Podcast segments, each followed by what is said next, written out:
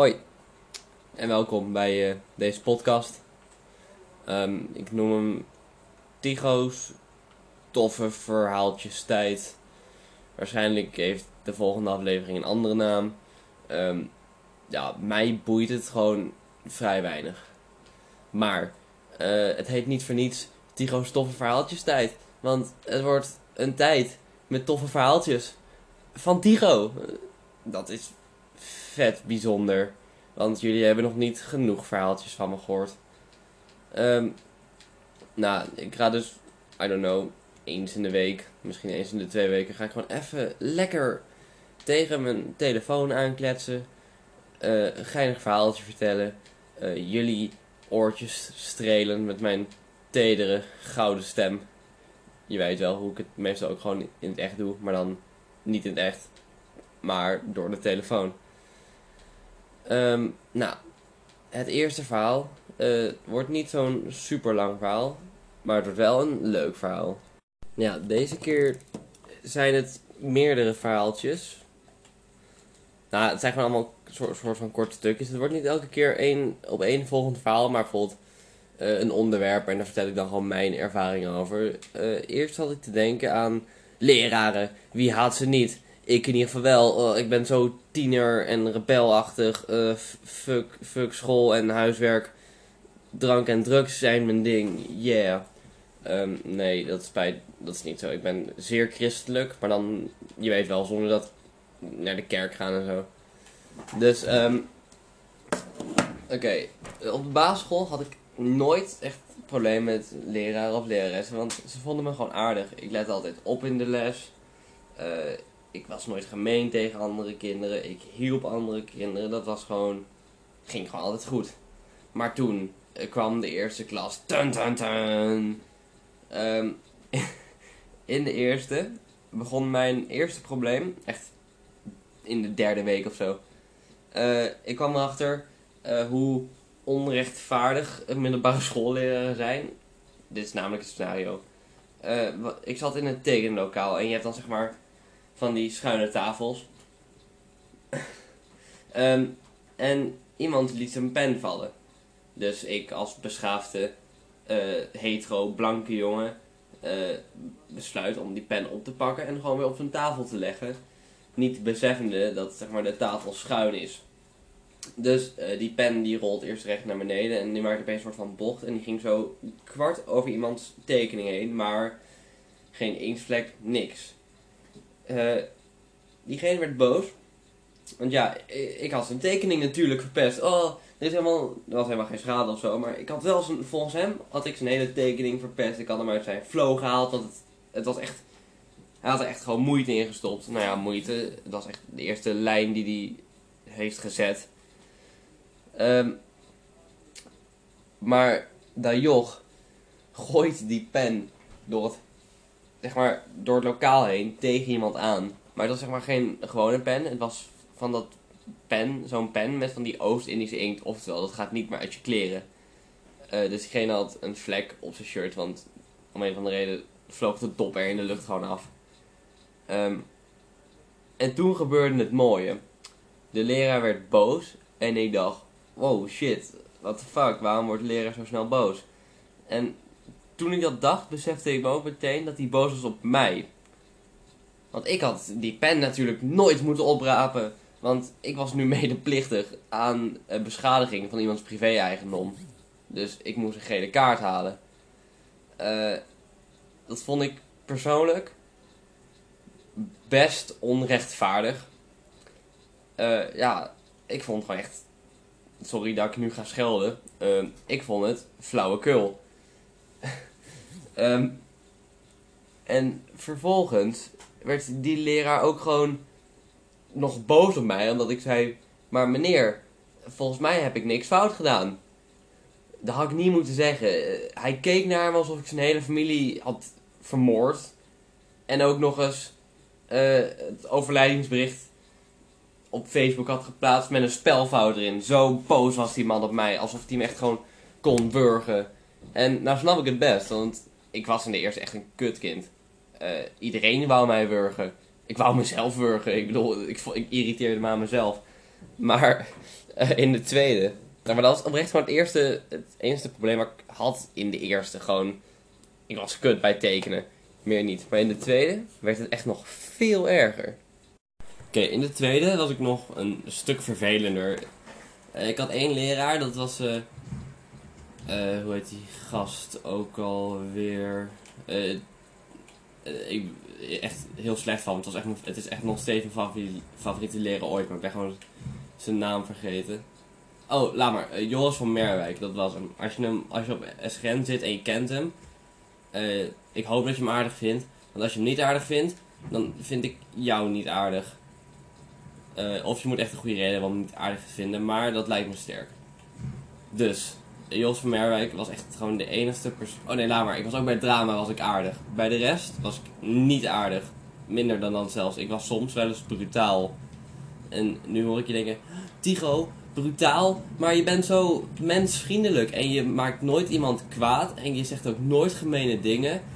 Eh, ja, dat... eh, leugens. Ik ben echt een kutkind.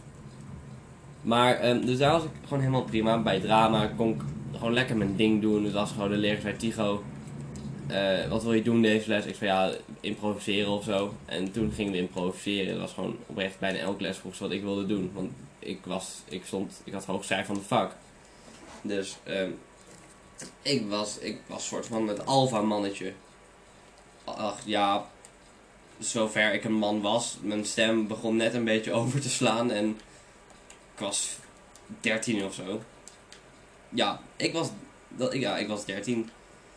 Dus daar was ik gewoon helemaal prima. Maar bij de andere vakken niet. Bij Frans let ik nooit op wat zeg maar resulteerde tot een 1 voor Frans. Maar dat is nog niet het enige. Gewoon echt, ik had gewoon ruzie met haar echt elke les. Dan was Tigo, heb je huiswerk gemaakt? Ik van, nee, ik heb mijn huiswerk niet gemaakt. Ja, waarom niet? Ja, ik snap het niet. Oh, ehm, waarom let je dan niet op in de les? Ehm, ja, meestal, maak ik, meestal ben ik van plan om het thuis te maken. Ja, maar je maakt nooit je huiswerk. Nee, dat klopt. En waarom niet? Ja, omdat ik het niet snap. Het Dat, is een beetje zo'n ding. Totdat ze uiteindelijk dacht van, ja, weet je wat?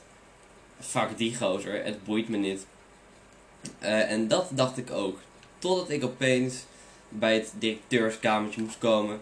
Want ja, een gemiddelde 1 voor Frans, dat kan natuurlijk niet. Dan moet je een niveau lager.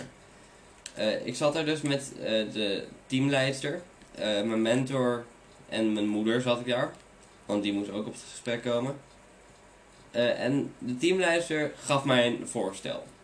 En trouwens, dat was ineengestemd met mijn mentor. Dus dat is eigenlijk gewoon van beide een belofte. Eh, hun belofte was, Tigo. Als jij, als jij die Frans naar een 3 weet te tillen, verder 1-5 staat en voor de rest gewoon voldoende is, dan ga je over. Dan spreken we nergens meer over. Dan kun je Frans laten vallen. Dan hoef je dat nooit meer te doen. Eh, dan heb je ook nooit meer stress voor je cijfers voor Frans. Dat, dan ja, is Frans gewoon afgelopen voor jou. Dus ik dacht, ja, dat ga ik doen. Eh, ik, had op, ik had oprecht mijn best gedaan. Frans stond op een 3,5 of zo. En eh, voor de rest had ik voor Duits een 5. En de rest ook alles 6 en 7's. Waarvan je denkt van ja, oké. nou en? Dat hoort toch genoeg te zijn? Dat hoort ook genoeg te zijn. Totdat op de dag dat zeg maar, je wordt gebeld of je overgaat of niet, ik een telefoon kreeg. Ja, sorry Tigo. Maar je staat een 3,5 voor Frans, dat kunnen we echt niet goedkeuren. En dan ook nog een 5, ja, dat kan echt niet. En toen eh, zei ik letterlijk van, maar meneer, we hadden toch die afspraak? Dan zei hij, oh ja, nee sorry, dat gaat niet door. Dat had ik misschien eerder moeten zeggen, maar sorry, die, die kan niet doorgaan. Dat is niet eerlijk voor de rest van de klas. Dus ik, eh, gewoon een half jaar lang, gewoon ergens naar lopen streven, wat helemaal niet mogelijk was. Eh, dus ik was oprecht boos. Maar toen ik mijn rapporten ging terugkijken, toen dacht ik al, ja, maar dit wisten hun al lang. Want op mijn tweede rapport, bij het mentorstukje, stond dat ik Tigo. Met deze cijfers kun je gewoon beter een andere school gaan zoeken. En het is niet alsof ik het nu anders verwoord. Dit, oprecht, het is gewoon een citatie van wat er stond, van Tigo. Met deze cijfers kun je gewoon beter een andere school gaan zoeken. Ehm, dus ja, dat was kut. Eh, ik kreeg ook echt heel veel onnodige gele kaarten. Gewoon, eh Tigo, eh, hou je bek dicht. Nou, niet op die manier. Zij leer gewoon Tigo even stil. En dan vroeg ik iemand of ik zijn oortjes mocht lenen voor een filmpje voor dat vak. En dan, ja, Tigo, wat zeg ik nou net? Gaan we een gele kaart halen? Je weet al, dat soort dingen. Of dat de leraar vraagt of ik mijn huiswerk af heb. En dan zeg ik nee. En dan zegt hij waarom niet? Ja, ik snap het niet. En dan zeggen hun van, ah, oké. En dan vervolgens maak ik het hele jaar mijn huiswerk niet meer, want ik snap het allemaal niet. Terwijl hun dan het mij moeten uitleggen. Ook, ik heb oprecht gewoon vaak aan leraar gevraagd van, sorry, ik snap niet, kun je uitleggen? Zegt ze, nou, dat doe ik aan het eind van de les. Ehm, nou, dat doen ze niet. En dan wordt ze boos dat ik mijn huiswerk niet maak. En dan moet ik een gele kaart halen. Gewoon dat soort dingen waarvan je denkt van, ja, het kan gewoon heel makkelijk voorkomen worden. Maar het gebeurt gewoon allemaal niet. Ehm, ja, verder nog echt problemen. Oh ja, en eh, ik zit nu in de derde. En we hadden het eerste kwart van het jaar hadden voor Nederlands eh, meneer Hen Hendricks. En eh, meneer Hendricks is een beetje apart. Eh, zeg maar, no joke. hij geeft al heel veel jaar les op die school. Alle lessen zijn van hem. Je begint met een eh 20 minuten aan dicté. Dan 10 minuten lezen. 7 minuten dan opdrachten maken. En dan was het zo van de laatste drie minuten afsluiting van de les. De les duurt trouwens 50 minuten. Ehm, maar we kregen eigenlijk helemaal geen les. Het was van ja, schrijf deze zin op, eh, lees dit en beantwoord deze vraag. Maar we, we kregen wel gewoon toetsen van, eh, ja, gewoon van al die zinsdelen en shit. Maar dat legde hij ons helemaal niet uit. Het was nou van ja, dat had je gewoon zelf al moeten weten. Eh, en hij werd ook elke keer boos op mensen, omdat ze volgens hem niet hun best deden in de les. Maar ja, niemand deed, hij, hij deed niet eens zijn best om les te geven, dus wat verwacht hij dan van ons? Tot het mooie moment, nou mooi, het is eigenlijk best wel triest. Eh, ik heb namelijk een meisje in mijn klas, en die heeft vroeger een, eh, heeft vroeger een soort leukemie gehad. En die man haalde het zeg maar in zijn hoofd om, te dur om het te durven zeggen. En ik citeer.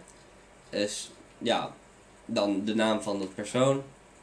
Eh, waarom doe je nu zo tegen mij? Uh, na alles wat ik voor jou heb gedaan terwijl je ziek was. Eh, maar ja, hij heeft helemaal niks voor haar gedaan terwijl ze ziek was. Dus zij was boos, huilend, de klas werd gelopen. Eh, wat ik op zich best snap. Toen zei eh, een andere jongen in mijn klas: Meneer, waarom doet u nou zo gemeen?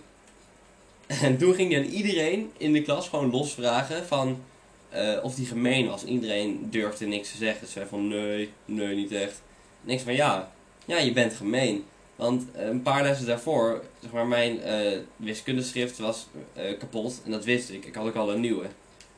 Ehm, en hij, zeg maar, ik maak mijn tas open voor de Nederlands boeken te pakken. Hij ziet dat schrift.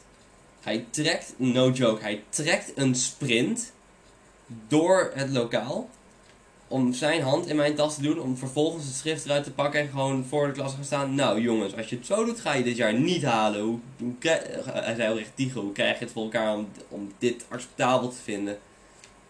En toen wou ik het uitleggen wat er was gebeurd. Van ja, mijn tas was gevallen en er was iets opgekomen. Dus eh, het schrift was kapot, maar ik heb al een nieuwe. Maar hij gaf me die kans helemaal niet. Dus, ehm, ik, dus toen in de les dat er zoveel problemen waren, vroeg hij mij, Tigo, ben ik wel eens gemeen tegen jou geweest?